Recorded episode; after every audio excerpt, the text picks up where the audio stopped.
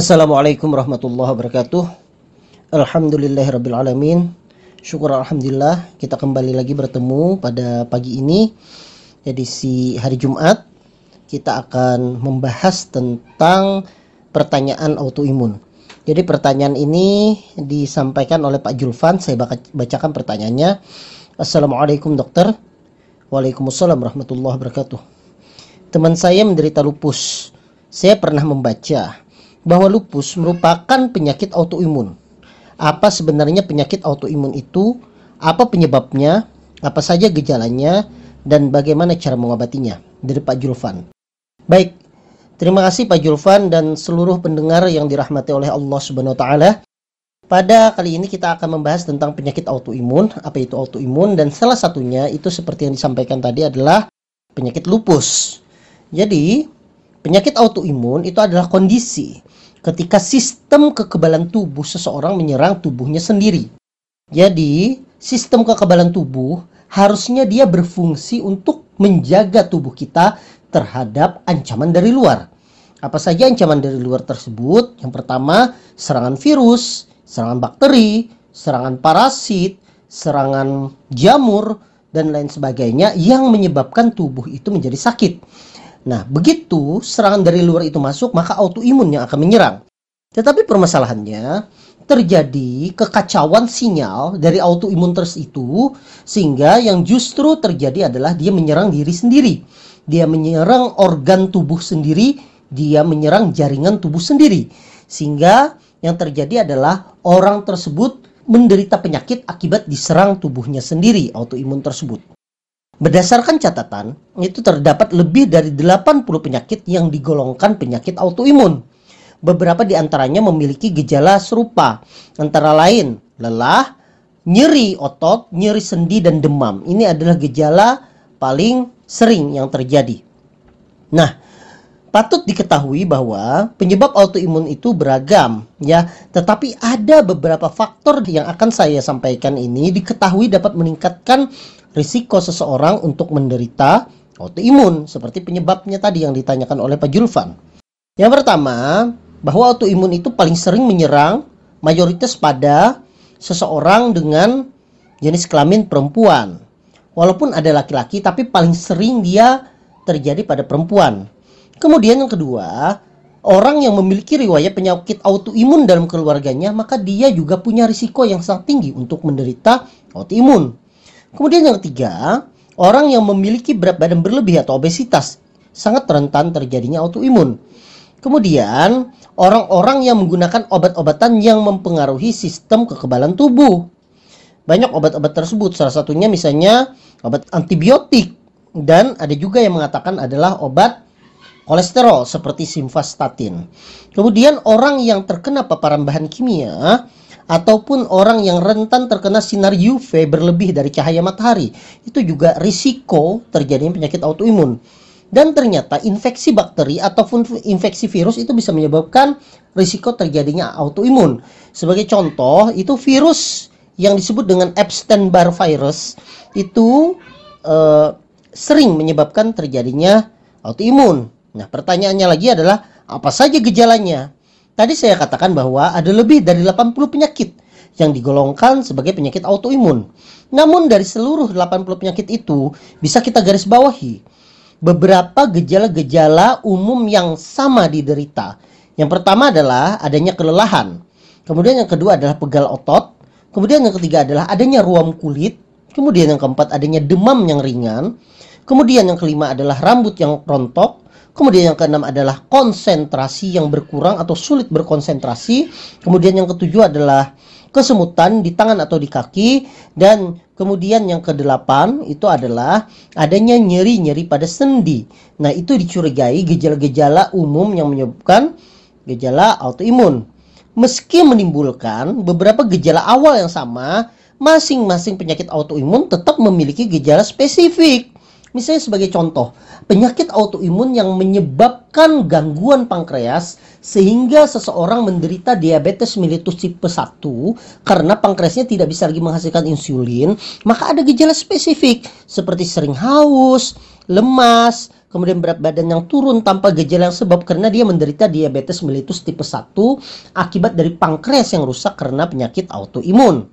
Nah, kemudian apa contoh-contoh penyakit autoimun? Seperti yang disampaikan tadi yang pertama seperti yang temannya Pak Julvan tadi itu yang menderita lupus itu penyakit yang paling umum dari autoimun yang pertama adalah lupus. Lupus itu adalah suatu penyakit autoimun yang dapat mempengaruhi hampir semua organ tubuh dan menimbulkan beragam gejala seperti demam, nyeri sendi dan otot, ruam kulit, kulit menjadi sensitif, sariawan, bengkak pada kaki, kemudian sakit kepala, ada yang kejang, nyeri dada, sesak napas, pucat dan perdarahan. Nah, lupus ini memang kalau dia itu mengenai hampir seluruh jaringan, maka dia disebut dengan sistemik lupus erythematosus. Dia bisa menyerang ginjal yang disebut dengan nefritis lupus, dia bisa menyerang kulit, dia bisa menyerang darah yang menyebabkan sel darah merah menjadi pecah yang disebut dengan autoimun hemolitik anemia dan sebagainya. Itu yang pertama. Kemudian yang kedua, sering juga orang menyebutnya dengan rheumatoid arthritis. Rheumatoid arthritis itu adalah penyakit radang sendi yang diakibatkan karena autoimun atau imun yang menyerang jaringan sendi sehingga menyebabkan terjadinya pembengkakan sendi, kesulitan bergerak, nyeri yang sangat berat, sehingga orang dengan rheumatoid arthritis biasanya mobilitasnya atau gerakannya sangat terganggu karena nyeri sendi yang sangat berat. Kemudian ada contoh lain, misalnya pada kulit itu terjadi penebalan yang disebut dengan psoriasis. Jadi psoriasis itu adalah penyakit kulit yang menyebabkan kulit menjadi bersisik. Kemudian munculnya bercak-bercak merah dan kulitnya menjadi menebal. Nah, ini adalah psoriasis dan ini adalah salah satu penyakit autoimun yang biasa ditangani oleh kawan-kawan dokter uh, kulit dan kelamin.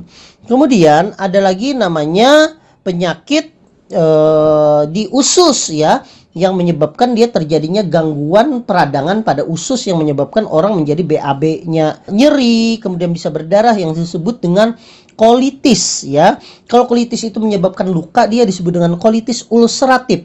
Nah, gejala yang terjadi pada kasus ini adalah sakit perut, kemudian diare berkepanjangan, bahkan berbulan-bulan, kemudian kadang buang air besarnya itu berdarah, ada demam, berat badan yang menjadi turun, curiga bahwa itu kemungkinan adalah kolitis ulceratif yang disebabkan oleh autoimun.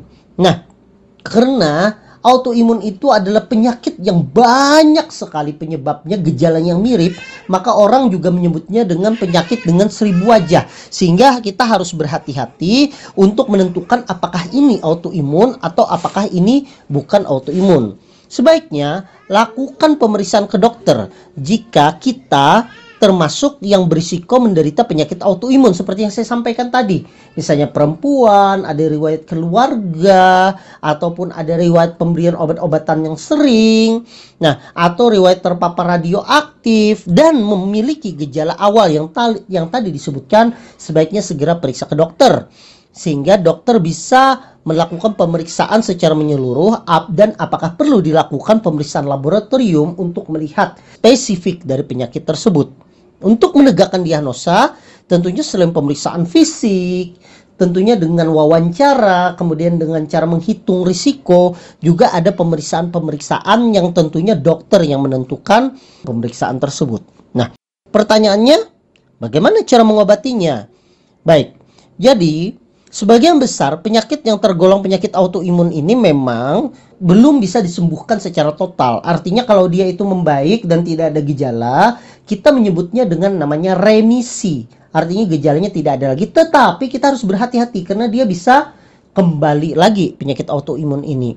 Nah, yang penting dari penyakit autoimun ini kita adalah menjaga supaya gejalanya itu seminimal mungkin, seringan mungkin bahkan tidak ada dan mencegah tidak terjadinya flare Flare itu artinya terjadinya perburukan bahkan sampai mengancam jiwa penderita penyakit autoimun ini. Pengobatan untuk menangani penyakit autoimun itu tergantung dari jenis penyakit yang diderita, gejala yang dirasakan dan tingkat keparahan.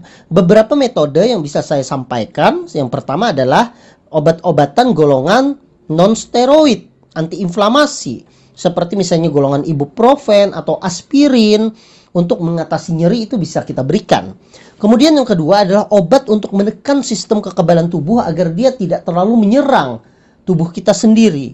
Itu uh, misalnya golongan kortikosteroid ya, seperti misalnya dexamethasone, prednison, metilprednisolon, hidrokortison itu adalah golongan-golongan kortikosteroid yang mana dia berfungsi untuk menghambat perkembangan penyakit autoimun ini dan memelihara fungsi organ tubuh. Kemudian ada obat lain targeted terapi yang memang dikhususkan misalnya untuk mencegah autoimun itu menyerang sel-sel tertentu di tubuh kita. Misalnya ada namanya anti interleukin 6, ada namanya anti tumor necrosis factor seperti infliximab misalnya. Semuanya itu kadang kita gunakan pada penyakit-penyakit tertentu yang memang sudah diketahui bahwa itu penyebabnya. Misalnya seperti penyakit autoimun akibat RA atau rheumatoid arthritis ataupun uh, penyakit autoimun misalnya pada kulit yang disebut dengan psoriasis. Jadi Sebenarnya penyakit autoimun ini kita memang tidak usah terlalu khawatir, tidak usah berlebihan. Bahkan beberapa dokter itu menyatakan bahwa kita itu harus bisa berteman atau bersahabat dengan autoimun. Karena sebenarnya autoimun itu tidak perlu kita perangi, tetapi bagaimana kita mengendalikan agar jangan sampai autoimun itu menyerang tubuh kita sendiri karena kesalahan sinyal dalam mengenali musuhnya tersebut. Bagaimana caranya? Tentunya selain pengobatan yang saya sebutkan tadi, kita harus menjaga tubuh kita agar agar tidak terlalu capek, kita menjaga tubuh kita menjadi bugar, kemudian cukup vitamin agar imun yang ada di dalam tubuh kita itu bisa mengenali bahwa ini adalah organ yang harusnya dijaga, bukan organ yang harusnya diserang. Jadi memang seperti yang saya sampaikan bahwa kesembuhan itu sebenarnya tidak hanya dari obat-obatan tetapi bagaimana dari kita sendiri juga untuk menjaga agar tubuh kita itu selalu berolahraga dan baik, makan makanan yang bergizi agar tubuh kita terjaga dan bisa menjadi orang yang sehat dan bisa bermanfaat untuk orang lain. Dan tentunya uh, saya sampaikan sekali lagi bahwa tiada daya dan upaya dan kesembuhan itu hanyalah dari Allah Subhanahu wa taala. Manusia itu boleh saja untuk berusaha, manusia boleh saja untuk mencari pengobatan ke sana kemari, tetapi perlu diingat bahwa jiwa kita, diri kita itu adalah milik Allah Subhanahu wa taala. Sehingga selain ikhtiar yang kita lakukan, kita juga banyak berdoa kepada Allah, semoga kita selalu diberikan kesehatan oleh Allah Subhanahu wa taala sehingga kita tetap sehat untuk selalu melakukan kebaikan dan untuk selalu memuji Allah Subhanahu wa taala, beribadah kepadanya tanpa ada rasa sakit dan saya doakan kepada seluruh yang ada di sini, seluruh jemaah yang mendengarkan di sini, semoga kita semua selalu diberikan kesehatan oleh Allah Subhanahu wa taala, diberikan perlindungan, keselamatan dan keberkahan dalam kehidupan sehari-hari. Demikian jawaban dari saya, semoga ini bermanfaat bagi kita semua. Salah khilaf saya ucapkan permohonan maaf, saya tutup dengan ucapan wassalamualaikum warahmatullahi wabarakatuh.